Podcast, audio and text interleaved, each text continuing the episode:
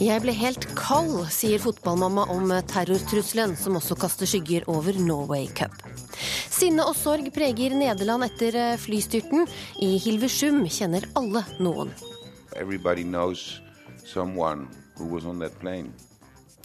Og drukninga av hunden Lucas viser at vi trenger et dyrepoliti, mener Frp. Et dyrepoliti løser ikke problemet, svarer Arbeiderpartiet. Dette er nå det du får høre i dagens eh, ukeslutt. Jeg heter Linn Beate Gabrielsen, og først får du siste nytt ved Eli Bjelland. Ja, Vi har nå nett fått melding om at luftrommet over Bergen sentrum er stengt.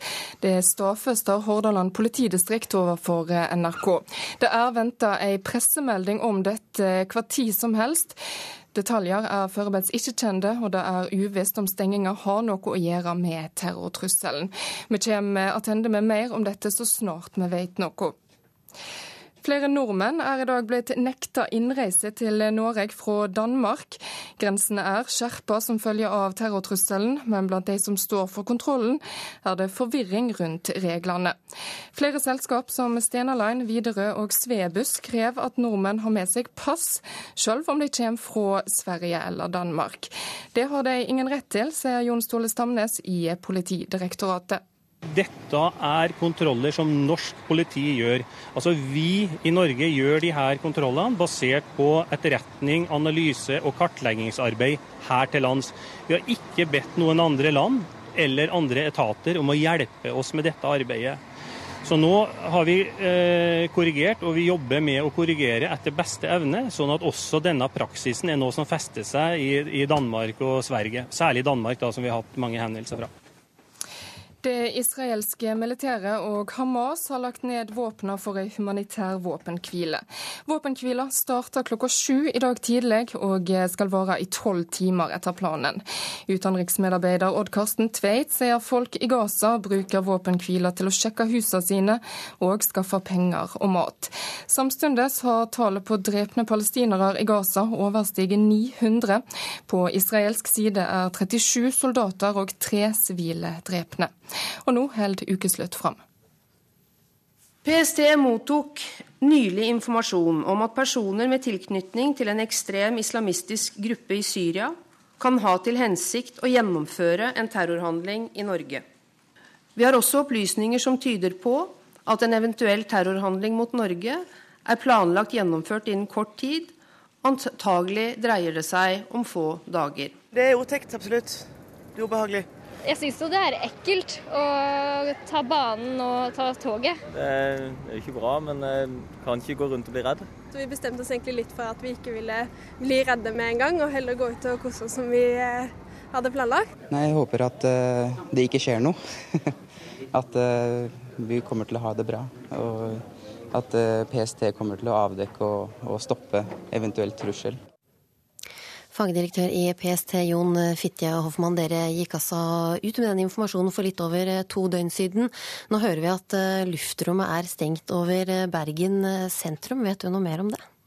Nei, det kjenner jeg ikke til hva som er bakgrunnen for det. Men vet dere noe, noe mer om hvilke konkrete mål som er utsatt? Nei, det vet vi heller ikke. Vi har jobba intenst for å innhente informasjon og avklare eh, situasjonen. Eh, vi er fortsatt der at situasjonen er uavklart. Men det har ikke kommet inn noen eh, vesentlige eh, ny, eh, nye opplysninger som, som endrer trusselbildet, eller som endrer vår vurdering av situasjonen. Er dere fortsatt bekymra? Ja, det er grunn til å være bekymra. Men vi får jo da over tid stadig, et stadig bedre si, grunnlag for å vurdere situasjonen.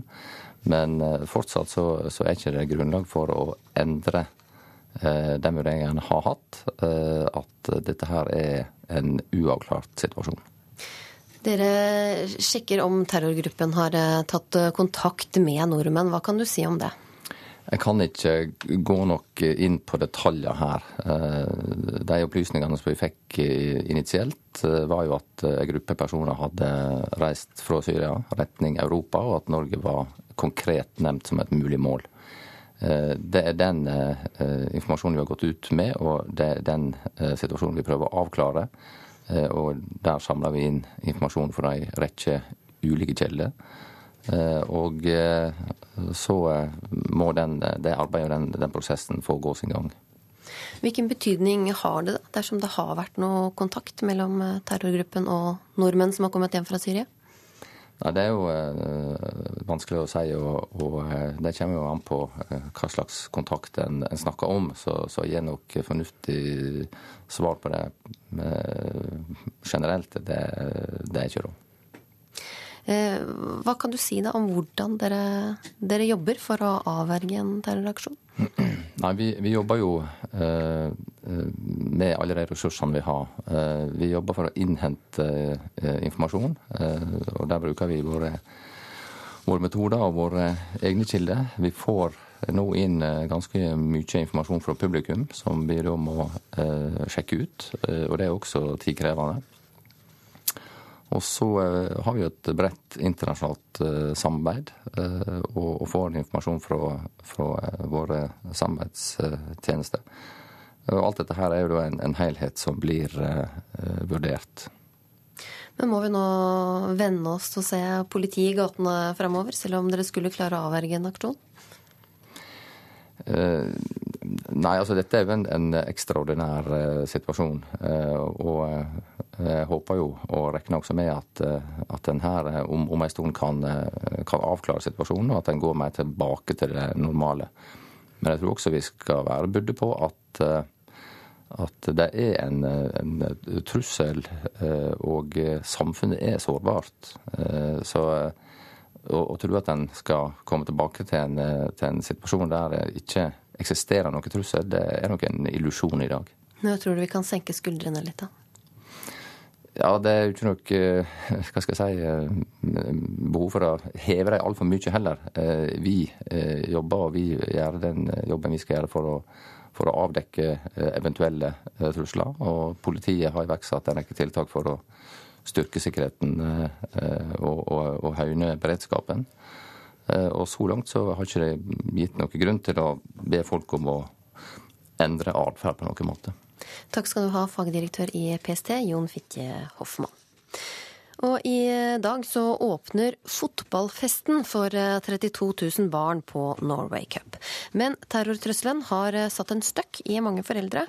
Nina Nyvold Viks Haaland er en av de som nå tenker seg om en ekstra gang før hun sender sønnen på turneringa. Det er en jobb-PC, så den er altså ikke noe særlig etterrettelig.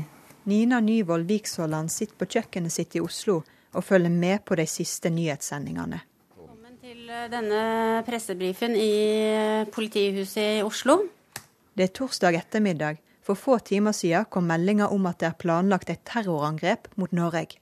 Eh, Norway Cup starter i helgen. Hvordan ser dere på situasjonen der? Vi jobber med saken sammen med arrangøren, men per nå så vil jeg ikke hatt betenkeligheter med å sende mine barn til det arrangementet. Politiet kan ikke garantere for sikkerheten, men vi gjør nå det vi mener er nødvendig i forhold til å sikre dette arrangementet. Jeg ble helt kald. For én ting er å sitte analytisk og si at uh, jeg vil ikke la meg true, men en annen ting er jo i mitt private liv å sende barnet mitt ut i en situasjon som politiet tar på høyeste alvor. Nå er det jo flere tusen foreldre som er i akkurat samme situasjon som deg. De sitter og tenker på akkurat de samme tingene som deg. Mm. Hva tror du resultatet blir av de tankene? Jeg tror det får så mange tanker gjennom hodet på alle voksne som ser for seg Norway Cup, og, og vurderer om de skal ha, la sine barn delta. Tenk deg et anslag mot Norway Cup med den deltakermassen. Nei, det vil jeg ikke spekulere i engang. Det er jo det som gjør det helt uh, umulig nesten å ta stilling til. Hei, Gabriel. Nei, altså, jeg hadde bare lyst til å snakke med deg. Høre hvordan du har det. I andre enden av røret er Gabriel. Han er tolv år, på ferie på Vestlandet, men kommer snart tilbake til Oslo for å være med på Norway Cup. Det viktigste for meg er liksom at vi jobber bra sammen, og at vi, fall, vi får i hvert fall vite hva vi kan der. Og vi må jo snakke med, med Gabriel om det òg, for han må vite uh, Han må vite hva som skjer. Han uh, husker jo godt 22. juli. Både hvor galt det kan bli, og hva slags størrelse det kan anta, det, det, det har han jo sett. Å um, holde tilbake noe av det som er fremme i media, det tror jeg ikke på. Han, han må få vite hva det handler om. Reporter var eh, Maria Lavik. Og det er eh, altså satt i verk flere sikkerhetstiltak på Norway Cup. Og hvilke tegn ser du til det, reporter Jaran Ree Mikkelsen? Nei, altså Akkurat nå så ser vi ikke så mange tegn til det, faktisk. Vi står eh, midt på sletten her oppe, like ved finalebanen og den store scenen hvor åpningsshowet skal starte seinere. Og det er ikke mye synlig politi, det er faktisk ingenting.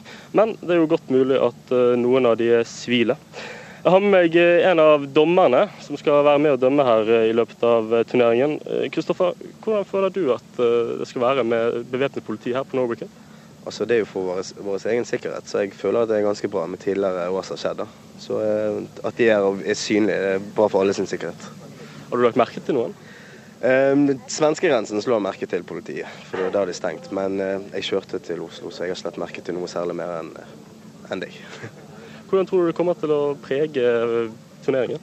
Uh, jeg tror det blir på en positiv måte. De er synlige, alle kan se at de er, at det er for å gjøre jobben sin og ivareta alle sin sin sikkerhet, og det tror jeg alle liker. Uh, Frode Kyvåg, du er sjefen her oppe på Norway Cup. Uh, du har altså ansvar for 32 000 uh, ungdommer i løpet av de neste dagene. Hvordan føles det? Nei, Det føles akkurat som det har vært gjort de foregående 40 årene. Det er voldsomt utfordrende, det er fantastisk spennende.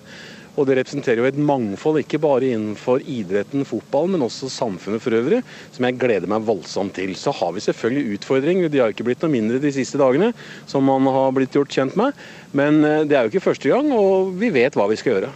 Har du hørt fra noen av foreldrene som er bekymret? Ja, det er ikke til å legge skjul på. Og det sier seg selv. Når norske myndigheter for første gang i historien velger å gå ut slik som de gjør nå, så er jo faren til stede for at frykten kan sette seg.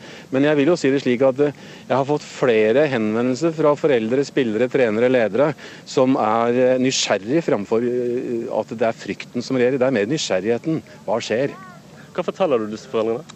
Jeg forteller de at vi har hatt gjennom veldig mange år en svær, omfattende, ressurskrevende beredskapsplan som vi har lagd sjela vår i veldig lang tid. og Det er utgangspunktet også for denne turneringen. Så blir det jo da slik at i en sånn setting så søker man da bistand og jobber intimt og tett mot offentlige instanser som er involvert. Og Det betyr at vi har løpende dialog, har hatt arbeidsmøter med politiet, hvor vi justerer noe i forhold til den tradisjonelle eh, tjenesten. Dere oppgraderer altså sikkerheten, og politiet skal jo være på plass her i dag og de neste dagene. Hva forteller dere de barna som eh, må regne med å se bevæpnet politi Altså, du kan si at De er jo vant til å se det. så I den ordinære beredskapsplanen som fungerer utmerket fra år til år, så eksisterer det jo ridende politi, syklende politi, politistasjon her borte foran matchbanen, eh, og selvfølgelig en del annet som man ikke ser. Så jeg tror ikke det blir noe stor forandring. og Det jeg har sagt og det vi har Eh, interesse av å gjøre kjent, det er jo at det blir noe hyppigere tilstedeværelse av politiet enn hva det er ordinært. og Det betyr jo nødvendigvis at det blir noen flere. Og Så spør man blir dette synbart, og da svarer jeg ja, det blir jo i en viss utstrekning det. Og Da skjønner man sikkert at noe er uniformert og noe er ikke uniformert. Men det vi kan si, det er at politiet gjør hva de kan og enda litt til, og det gjør vi også, for at dette skal være akkurat som tidligere og akkurat som i morgen. Det har også blitt innført eh, passpåbud ved grensene inn til Norge her. og Det er jo et eh, fotballag fra Hamar som sitter fast i Danmark. Har du hørt noe fra de? Kommer disse frem i tide? Ja da, de gjør det. det. det. blir jo litt rart, selvfølgelig.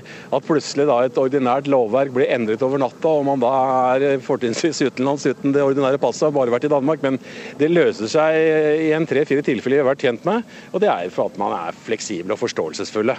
Men vi er veldig glad for den sikkerheten som er trappa opp i henhold til det som har skjedd. Takk til deg, Frode Skyvåg. Her oppe på Ekebergsletta lages det nå eh, klart til folkefest. Scenen er rigget opp, finalebanen er klar, og eh, her blir det åpningsshow senere i ettermiddag. Takk skal du ha, reporter Gøran Ree Mikkelsen. Og som vi meldte i begynnelsen av sendinga, så har politiet bedt Avinor om et flyforbud over det sentrale Bergen. Hensikten er å få kontroll over det ukontrollerte luftrommet over Bergen sentrum. Bakgrunnen er den økte trusselsituasjonen som har vært i Norge siden torsdag, og politiet presiserer at det ikke er endringer i trusselvurderingen som utløser dette. Flytrafikken på Flesland går som normalt, og flyforbudet gjelder ikke luftambulanser, militære og politiet.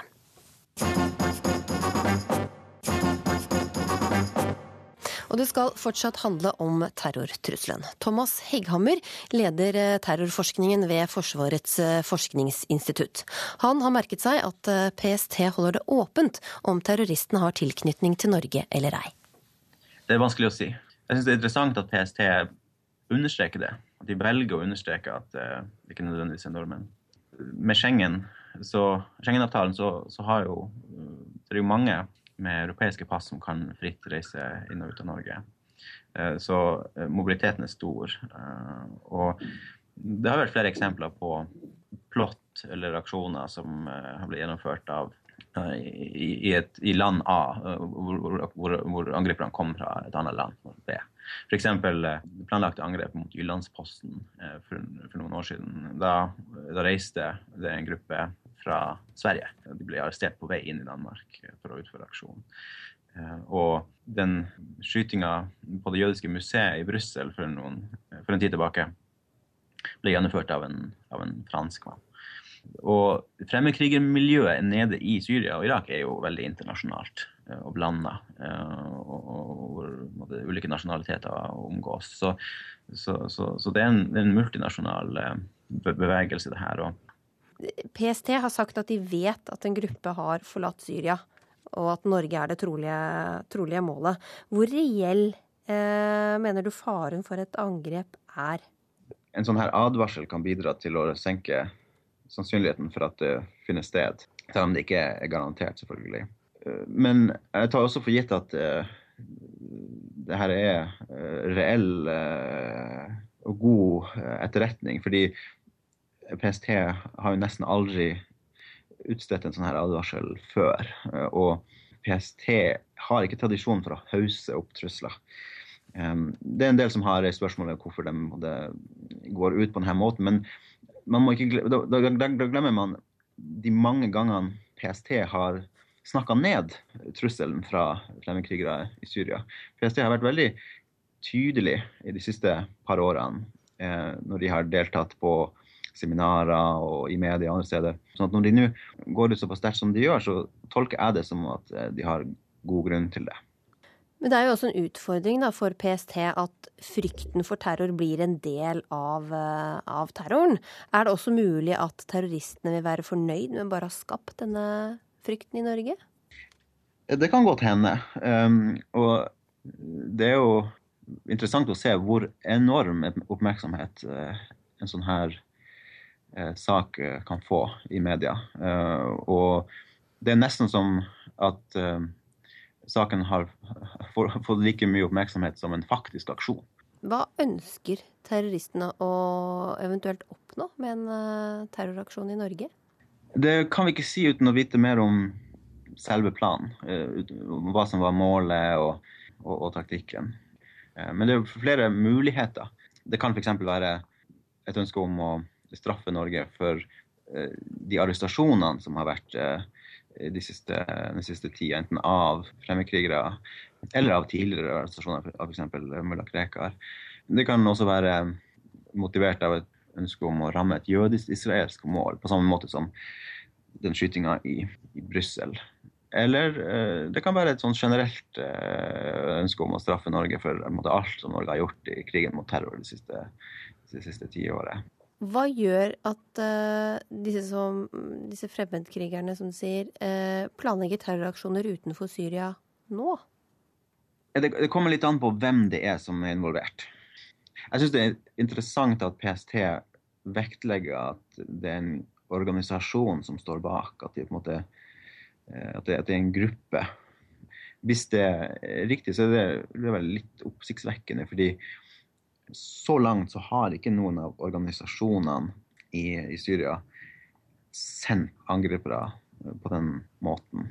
Det som har vært av uh, Syria-relaterte plott i Europa så langt, har vært tilsynelatende uavhengige uh, plott. Altså ting som, som er planlagt av, av, av folk uh, på egen hånd. Da. Av folk som har vært i Syria, som kanskje har, har trent sammen med grupper, men som, men som ikke har handla på ordre fra, fra lederskap. Det er mye snakk om eh, ISIL.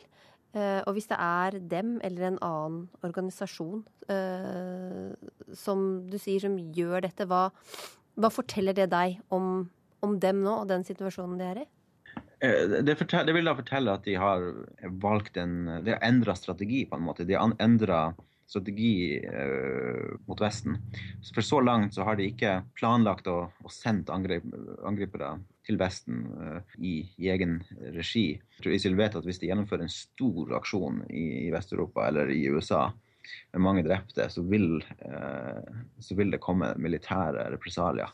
Og, og, det er ikke organisasjonen nødvendigvis interessert i på dette tidspunktet. Så jeg tror at de til en viss grad, har til en viss grad vært avskrekka fra å gjennomføre større aksjoner i, i, i Europa. Du hører på Ukeslutt, som straks fortsetter med disse sakene. De knyter seg i magen og marerittene kommer tilbake, sier Utøya-overlevende om den nye terrortrusselen. Og drapet på hunden Lukas opprørte mange. Nå vil Frp få på plass et eget dyrepoliti.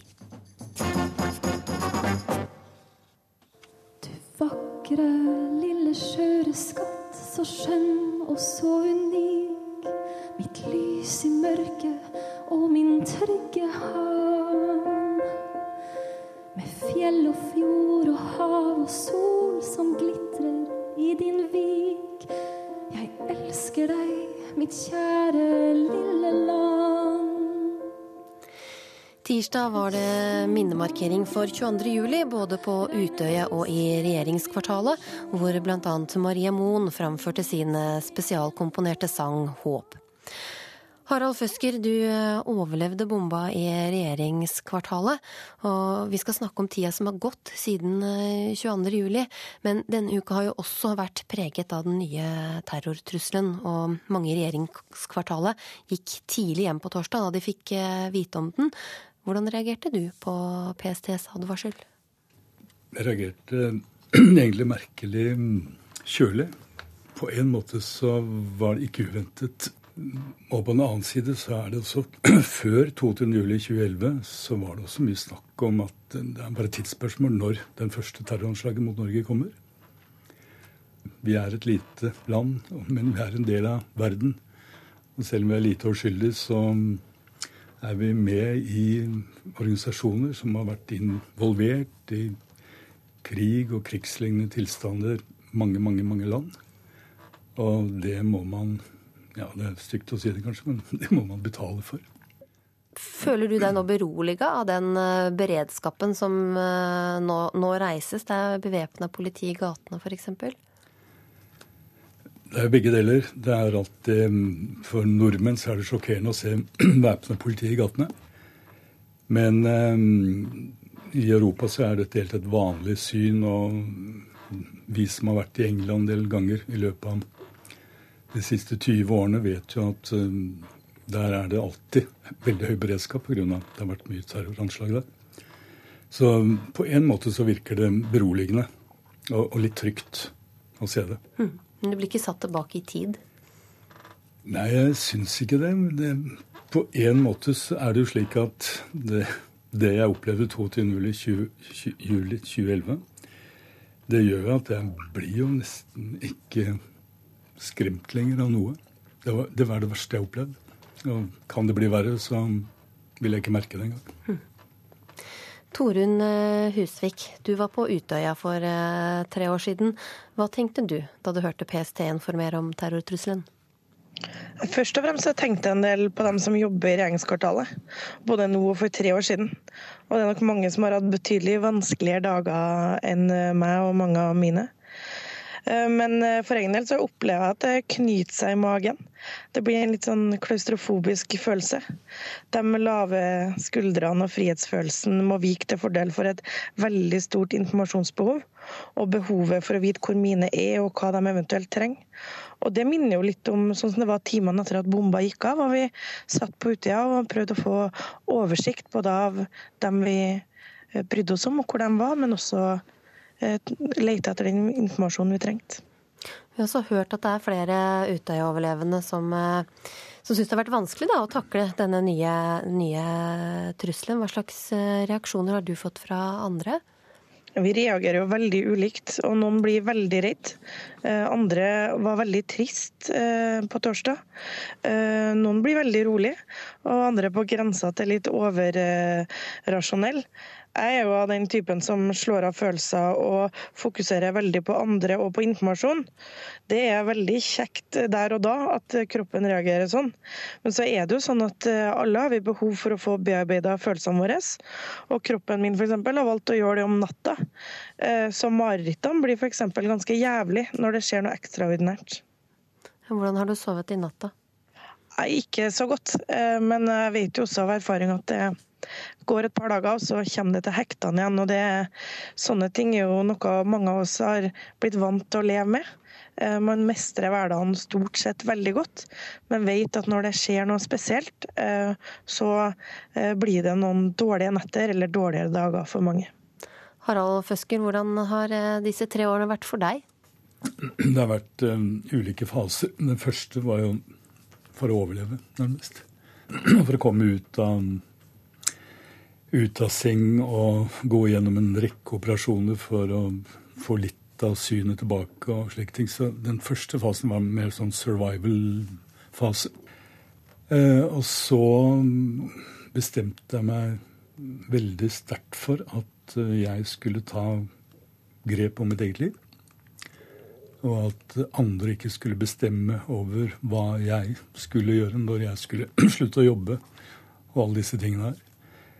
Slik at jeg lagde meg vel en sånn personlig kamp for å komme tilbake. Ikke bare til livet, som jeg jo greide ganske fort, da, men også til et vanlig liv, et normalt liv. Det å gå på jobb og ha venner og, og ha et liv. Og Hva har vært de største utfordringene? Synet. Det er um, utrolig mye som um, er avhengig av at man ser. Jeg sa det um, ganske tidlig at eh, vedkommende, eller bomba, tok eh, friheten fra meg. Nå var det vedkommende gjerningsmann ble jo fratatt friheten også.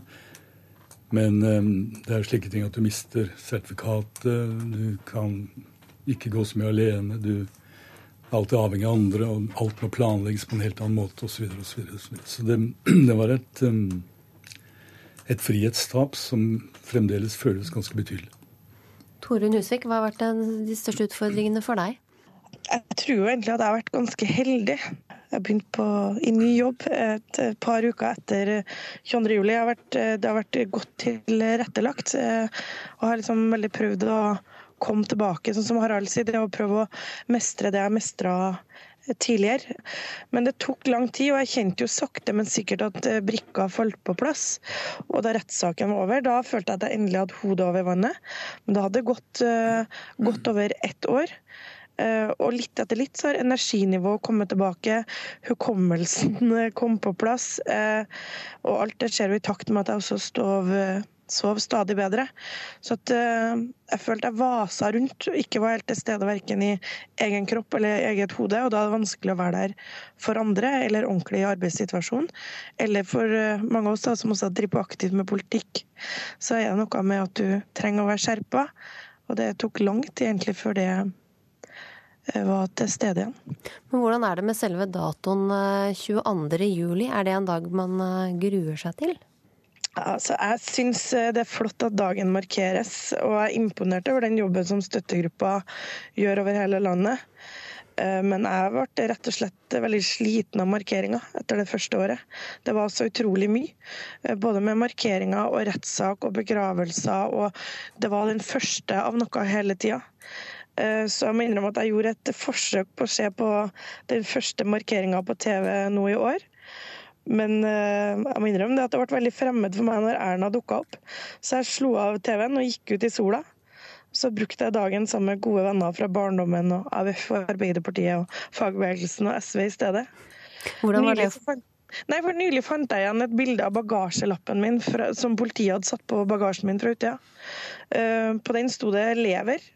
Uh, så da valgte jeg egentlig å bruke dagen min til nettopp det, som er mange av dem jeg liker best. Men det handler om at jeg trenger ikke en spesiell dag for å minnes vennene våre som var tatt fra oss. De dukker opp i tankene mine både titt og ofte. og mine opplevelser fra den dagen og de verste ukene etter det, det er noe jeg må bearbeide når det dukker opp eller gjennom hele året. Sånn at 22. juli er jo selvfølgelig en spesiell dag. Men det er en dag jeg heller bruker på jeg litt over at jeg lever. Og så går andre dager med til å tenke ekstra mye på dem som har gått bort. Hvordan opplever du dette, Harald Fesker? Jeg tror jeg gjerne vil bruke en, um, noe fra min egen profesjon, som er kriminalomsorg, eller fengsel, friomsorg. Vi har et begrep som heter gjenopprettende justis, eller restorative justice på engelsk, som er et internasjonalt begrep, og som veldig ofte dreier seg om møtet mellom gjerningsmann og offer. I mitt perspektiv, særlig etter jeg ble et offer selv, så har selvfølgelig det gjerningsmann-offer-perspektivet her er helt uaktuelt. Men det er veldig veldig mange andre ting som føles som gjenopprettende. F.eks. det at det er en minnemarkering utenfor Høyblokka. Det er noe gjenopprettende i det å minnes at det var et anslag mot norsk forvaltning, norsk, det norske samfunn, norsk demokrati. Og det er masse andre faktorer som kommer inn. Når jeg tenker tilbake, f.eks., så var det måten jeg ble behandlet av ambulansepersonalet, måten politiet fant meg på i restene i høyblokka, måten jeg ble behandlet på sykehus på, osv., som er elementer i en slik gjenoppretting av en forferdelig ubalanse. Fra et sekund til et annet så skjer det noe så utrolig dramatisk. Og da blir alle de små markeringene eller de små møtene med ulike mennesker eller institusjoner veldig veldig viktig. Iallfall for meg. Og den minnestunden var viktig. Det å bli intervjua i Ukeslutt er også viktig, for det. da får jeg fortalt en historie jeg deler jo, jeg er jo enig med den tankegangen til Harald der, at det, det, er forskjellige små momenter som gjør at du føler at du kommer videre. og Der tror jeg vi har veldig ulike milepæler.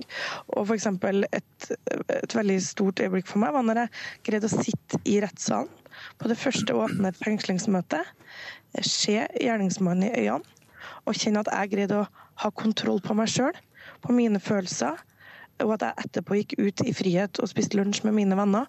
Gikk videre på arbeid, mens han skulle ned i det som da var en celle under eh, Oslo tinghus. Eh, sånne ting var liksom viktig for meg igjen for å komme meg videre.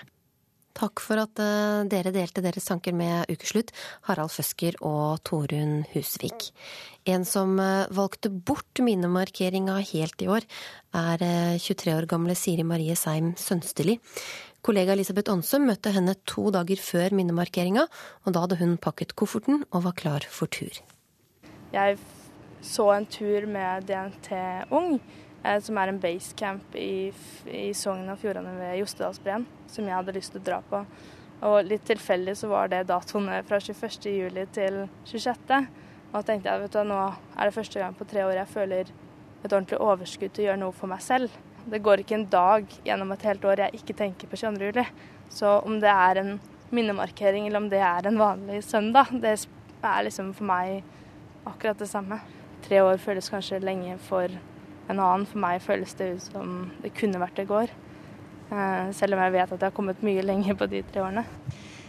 Si litt om hvordan du har tilbrakt de siste tre årene. De siste tre årene så har jeg eh, for det meste vært student i England ved University of Essex, litt utenfor London. Hvor jeg har tatt et studie i politikk og menneskerettigheter, som jeg akkurat fullførte nå, den 18. juli. Nesten akkurat tre, etter, tre år etter 22. juli, som for meg var veldig spesielt. Så det har vært tre år med den slags kamp, da, eller en fight på en måte, for å komme tilbake til det som kan føles et mer, mer eller mindre normal hverdag. da. Hva har vært det mest utfordrende i den prosessen? Det mest utfordrende har vel vært å på en måte bearbeide opplevelsene sine fra den dagen, og hvordan man skal på en måte for min del da, gjøre det mest mulig naturlig del av meg. For jeg kan ikke ta det bort, jeg kan ikke fjerne det fra livet mitt. Det er og vil alltid være med meg. Og så har det vært det faktum å klare studiene sine i et annet land, eh, med et annet språk. Nye venner, nye mennesker å stole på. Man har følt seg mye ensom, mye mer ensom bare fordi du har en historie Det som jeg personlig valgte å ikke fortelle de i England, for jeg ville ha det på avstand. Så dine venner i England de ante ikke hva det du nettopp hadde vært igjennom når du kom til England? Ikke når jeg starta. Jeg gikk inn for å bli kjent med de på samme måte som eh, jeg ville gjort hvis det ikke hadde skjedd. Men jeg ville at de skulle bli kjent med meg. Og selvfølgelig er det vanskelig når jeg er usikker, redd, sliter med mareritt. Og jeg måtte jo fortelle til noen underveis, men det var ikke et mål om å være den jenta som tok opp Du vet, det skjedde med meg, så derfor er situasjonen som den er. Eh, jeg ville heller at det skulle komme naturlig, at de skulle bli kjent med meg mest mulig for den jeg er utenom det, da. Hvordan ønsker du at samfunnet og, og journalister også skal se på deg? Jeg har vært i mediene som overlevende. Da vil jeg nok alltid ha det stempelet, kanskje. Eh, men fokuset kan ikke alltid være på at jeg er overlevende av 22.07. Jeg vil også ta del i samfunnsdebatten. Jeg vil også ha plass på lik linje som alle andre. Jeg er også interessert i den debatten og vil være med på den.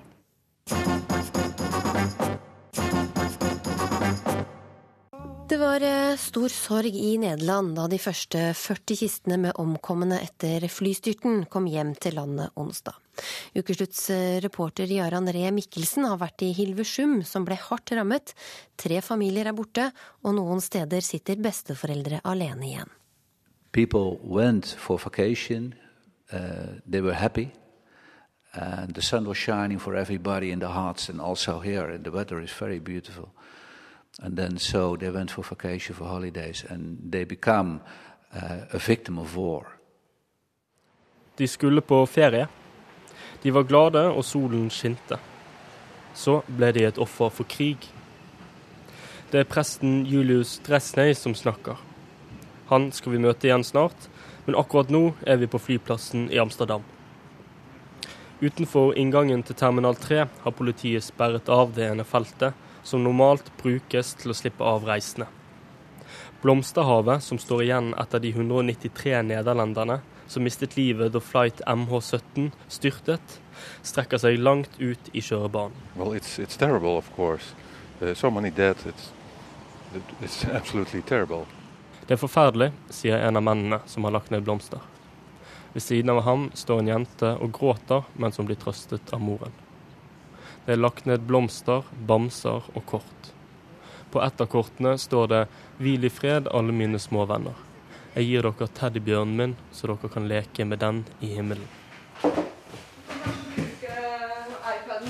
Det som eh, gjorde inntrykk at det som har gått live nå, er de uh, togvognene med alle døde kroppene som følges live av nederlandsk TV gjennom, gjennom Ukraina til flyplassen og så hjem til Nederland. da. På Marienlyst i Oslo sitter psykolog og traumeekspert Judith van der Wele. Hun er sjøl født i Nederland og fikk høre om hjemlandets tragedie gjennom søsteren, som sendte hun en SMS. Jeg føler meg litt utenfor da, eh, som nederlender i utlandet. At, eh, at, at, jeg ikke er i kjernen av begivenhetene, av nyhetssendingene som går hele tiden, av de som legger ut kondolanseprotokoller og slikt. Så det er en veldig rar følelse av å, å også bli møtt med vennlige sorgreaksjoner av mennesker som vet at jeg er fra Nederland her. Samtidig så er jeg litt utenfor. Men føler du deg berørt av det som skjer? Ja, det gjør det. Og kanskje mest som, som menneske. For det at fly, et, et, fly blir truffet på den måten, den, det er jo i hvert fall en av mine verste fantasier. Og jeg tror mange har det, om hva som kan skje, å falle, falle ned fra et fly, som det, som det har skjedd. Så de katastrofefølelsene hos meg personlig i forhold til personlig sikkerhet har jo blitt vekket.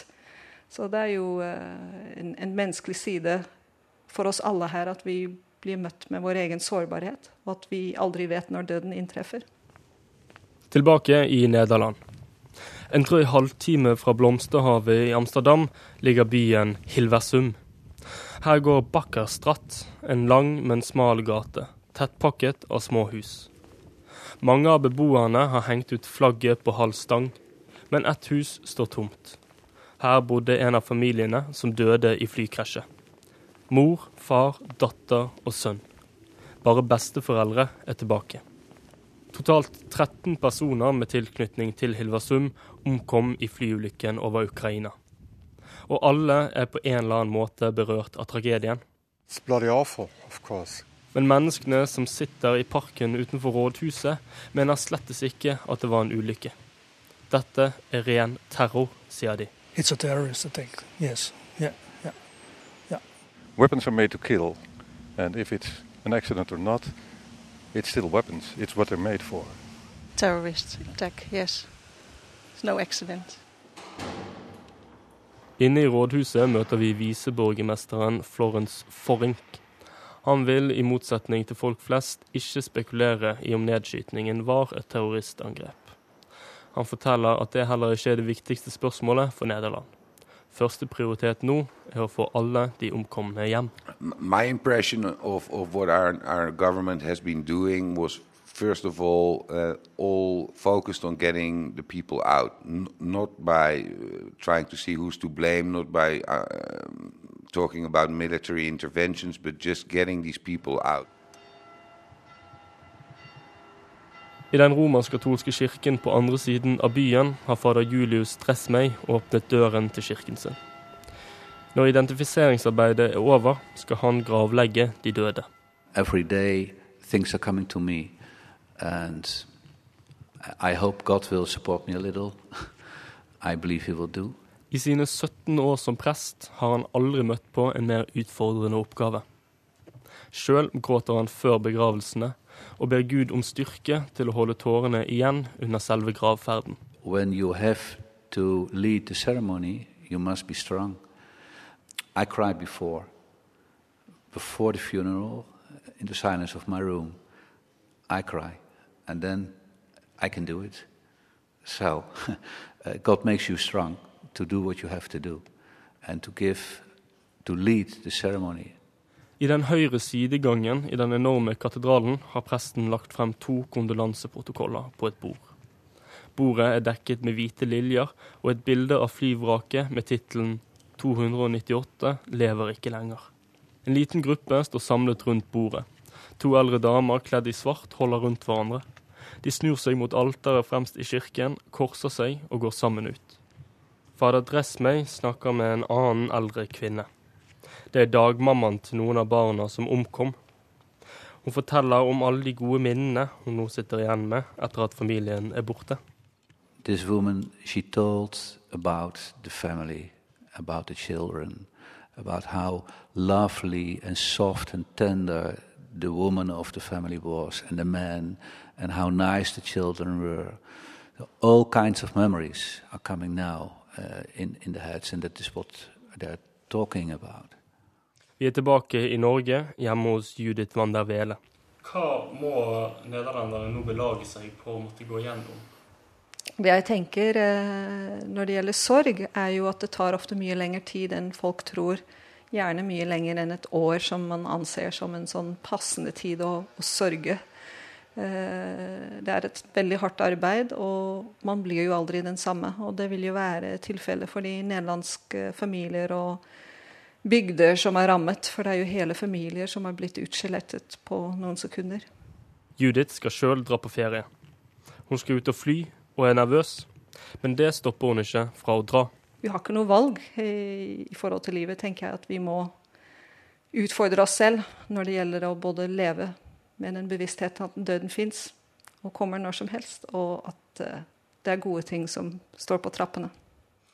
Som vi hørte tidligere i sendinga, så er altså luftrommet over Bergen stengt pga. den økte terrorfaren. Politiet presiserer at det ikke er endringer i trusselvurderingen.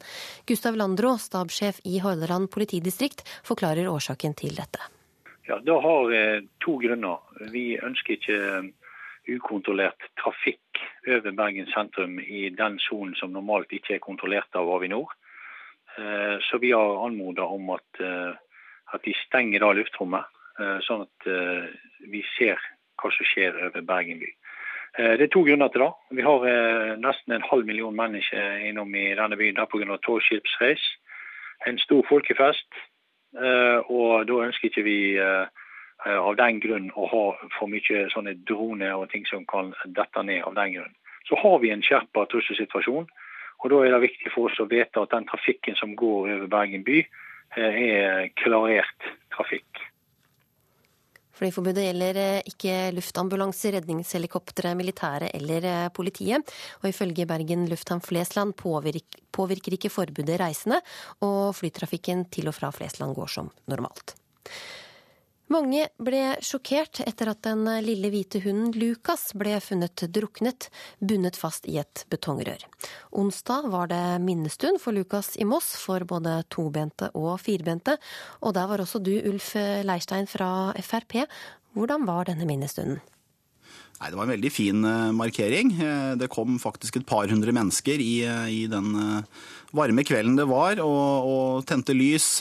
Man hadde et minutts stillhet, og det var mye prat mellom de av oss som var her om behovet nå for å få mer fokus på dette med dyremishandling og dyredrap. Drap av våre, en, del, en del kjæledyr, som er helt forferdelig. Vi får rett og slett vondt i hjertet av å lese om om det mange utsetter kjæledyra sine for.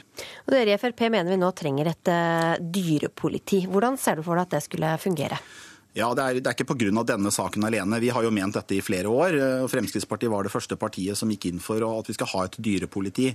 Vi har ikke konkludert enda på hvordan det eventuelt kan eh, organiseres, men i mitt hode så tenker i hvert fall jeg meg for en egen avdeling i, i politiet. På lik linje som vi i dag f.eks. har Økokrim, så har vi et dyrepoliti i politiet som får eh, fullmakter, og at vi ser også litt på lovverket osv., som får muligheten til å ha økt fokus på denne type problematikk og kriminalitet. Eirin Sundt, du representerer Arbeiderpartiet og mener vi ikke trenger noe eget eh, dyrepoliti. Hvorfor ikke? Den historien er sammen med andre historier. Det er til å grine av, og det er uakseptabelt. Jeg tror ikke folk er klar over at dette er, altså, det er med norsk lov forbudt å gjøre det. og Du kan bli satt i fengsel. Når vi ikke ønsker et eget dyrepoliti, så er det fordi at vi tror ikke på at hvis du tar de fagfolkene eh, som en har i Mattilsynet i dag, og putter de inn i noe nytt, så vi er redd for at det betyr ikke automatisk at eh, en får noe mer av noe. Det vi tenker at eh, Du bør styrke Mattilsynet. altså De mener selv de har verktøykassen og de har makten i forhold til dyrevernsloven. Men skal de gjøre mer, så trenger de mer. Men så tror jeg jeg tror Ulf og Fremskrittspartiet har rett i at vi er nødt til å gjøre et eller annet i forhold til politiet. For at, I dag så er det jo en ting at en kanskje ikke har den kompetansen på dyrevold, men en har heller ikke, viser det seg, mulighet til å få etterforska disse sakene sånn en burde, som gjør at en ikke får straffeutmålt noe som helst, og som gjør at folk ikke tror at det er en konsekvens. Så det å se på måter som andre har gjort det på, hvordan en kunne lagt opp et sånt system i politiet, det vil vi være med å se på. Leirstein, hva er det å vinne på å flytte kompetansen fra Mattilsynet til eh, politiet? Det er klart at Når du har noe som heter Mattilsynet, så sier vel bare navnet på, på tilsynet sier vel noe om hva fokus dessverre er. Eh, jeg er helt overbevist om at hvis du flytter dette til en egen enhet i politiet med kompetanse, både fra mange av de dyktige fagfolkene vi har i Mattilsynet, veterinærer og andre, men også dyktige etterforskere i politiet som vil ha dette som spesialtema, så blir det nå endelig et fokusområde. Og det er Eh, det er klart det er gjort mye i forhold til dette. her, Det har vært mye fokus, mye debatt om dette med dyremishandling, dyre, dyredrap osv. Men det har skjedd lite. For det blir, som Eirin Sunds også sa, ofte så kommer litt langt ned bunken til politiet når man skal eh, prioritere forskjellige saker. Så dette ville være en opprioritering av kampen mot dyremishandling og for en bedre dyrevelferd hvis vi nå får en egen enhet i politiet. Det er i hvert fall vår overbevisning. Og grunnen til at vi er så overbevist om det, det er for at dette er bl.a. gjennomført i vårt naboland Sverige som kan vise til meget gode resultater. Jeg tror at det er litt sånn misforståelse ute og går. for Jeg tror mange tror at Mattilsynet sitter der og gjør ingenting. Altså hvert, Sånn som i fjor, så hadde Mattilsynet 10 000 tilsyn som var planlagte tilsyn. Og utover det så hadde de òg tilsyn som var gjort for at det var meldt inn eh, tips. Så det, det er noe med at når, har, når, de har verktøyet, altså de har verktøykassen og de har makt til å kunne gjøre noe, så skjønner ikke jeg hvorfor vi skal flytte det vekk fra det som fungerer, og så inn i noe annet som ikke vet hva kommer til å bli. Men Ville det ikke virket mer avskrekkende hvis det var politiet som hadde ansvaret for dette? Men, men det vil, sånn som i Sverige òg, så er det sånn at eh, For det, er det òg myndighetene, altså med deres mattilsyn, jeg vet ikke hva navnet på det er, som òg har ansvaret der. Men det politiet har en egen enhet som etterforsker det i større grad enn det det blir gjort i Norge. Og politi som har kunnskap på dyrevold mer enn det vi kanskje har i Norge. Men det blir jo noe annet å bygge opp eh, den kunnskapen enn å flytte alle spesialistene vi har i dag, inn i en, i en egen, egen, enhet. Det her handler om å få dedikerte personer i en enhet. I veldig mange saker, som også Mattilsynet faktisk politianmelder, så blir det henlagt. Hvis det kommer fram til eh, dom, altså at man skal dømmes for noe, så er det veldig ofte betinget fengsel. Altså man går ikke i fengsel og man får en liten bot. F.eks. den personen som nå tok en, eh, tok en katt i et bur og kasta på sjøen så katten drukna. Fikk vel var 10 000 kroner i bot. Og jeg tror, så Det er to ting vi må gjøre her. Vi må både se på de strafferammene og de verktøyene vi har i dag. Det er én debatt. Og så må vi se på om det er noen andre som skal gjennomføre disse tiltakene. Og jeg tror vi må ha et eget dyrepoliti. Men, men, men Ulf Lastad bekrefter jo selv at det er ikke Mattilsynet altså, som bedriver da, i dag både tilsyn uh, og gjør den jobben der som er utfordringen. Det er at det ikke blir etterforska godt nok. Men Leirstein, helt til slutt. Uh, hvordan skal politiet klare å prioritere disse sakene når de allerede sliter med å dekke vanlig hverdagskriminalitet? Nei, men jeg kan ta et eksempel. Vi har f.eks. en egen viktig del i politiet som heter Økokrim. fordi at man sa det var viktig å slå ned på økonomisk kriminalitet. Og Da prioriteres de sakene i en egen enhet som heter Økokrim. Vel, jeg syns dyremishandling og dyrevelferd er altså viktigere temaer enn økonomisk kriminalitet. og Da bør det i hvert fall kunne likestilles på samme måte som Økokrim i norsk politi. Da gjenstår det bare å overbevise dine kolleger i, i Høyre i regjeringen. Tusen takk for at dere kom til ukeslutt. Og det har vært en uke hvor varmerekordene har vært eh, under press. Er det fortsatt eh, badebukse og parasoll som blir helgas viktigste tilbehør, statsmeteorolog Espen Biseth Granan? Ja, det blir mye varme fremover også, men også en del innslag av regnbyger, da. Men vi skal få et værvarsel som gjelder til eh, søndag da klokken 24. Og først et obs-varsel. Det er fortsatt stor skogbrannfare i store deler av landet. Så temperaturutsikter. Søndag litt lavere temperatur øst til fjells i Rogaland og Hordaland. Ellers i Sør-Norge uendret. I Nord-Norge stigende temperatur, på Spitsbergen uendret eller litt lavere. Fjellet i Sør-Norge får sørlig bris, lokale regnbyger, kan hende med torden. Søndag østlig periodevis frisk bris utsatte steder. Regnbyger først i sør, og det kan hende med torden i Langfjella. Østafjells skiftende bris på kysten av Agder, østlig periodevis frisk bris. Søndag kveld dreiende sørlig. I dag lokale ettermiddagsbyger, kan hende med torden. Søndag økende, økende bygeaktivitet og fortsatt tordenfare. Rogaland skiftende bris, lokale regnbyger, kan ende med torden, ellers pent vær. Hordaland og Sogn og Fjordane skiftende bris, søndag kveld nordlig frisk bris på kysten nord for Feie. Lokale regnbyger, vesentlig om ettermiddagen, kan hende med torden, ellers pent vær. Møre og Romsdal og Trøndelag nordøst opp i frisk bris på kysten. Lokale regnbyger i indre strøk kan hende med torden, ellers pent vær. Nedbør vesentlig om ettermiddagen. Nordland skiftende bris fra i kveld, nordøstlig frisk bris på kysten, etter hvert pent vær. Søndag kan hende enkelte ettermiddagsbyger med torden indre strøk, utrygt for tåke på kysten i nord. Troms opp til frisk bris av skiftende retning, litt dyr eller regn på kysten.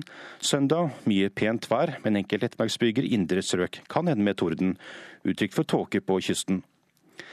Finnmark vestlig opp til frisk bris, enkelte regnbyger. Søndag skiftende bris, mest opphold. På vidda enkelte ettermiddagsbyger, kan hende med torden. Utrygt for tåke på kysten. Nordensland på Spitsbergen skiftende bris og enkelte regnbyger. Og det var værvarselet. Det var hjemme en ukeslutt òg. Ansvarlig for sendinga Elisabeth Onsum, teknisk ansvarlig Rune Skogstø Bryne, og i studio Linn Beate Gabrielsen.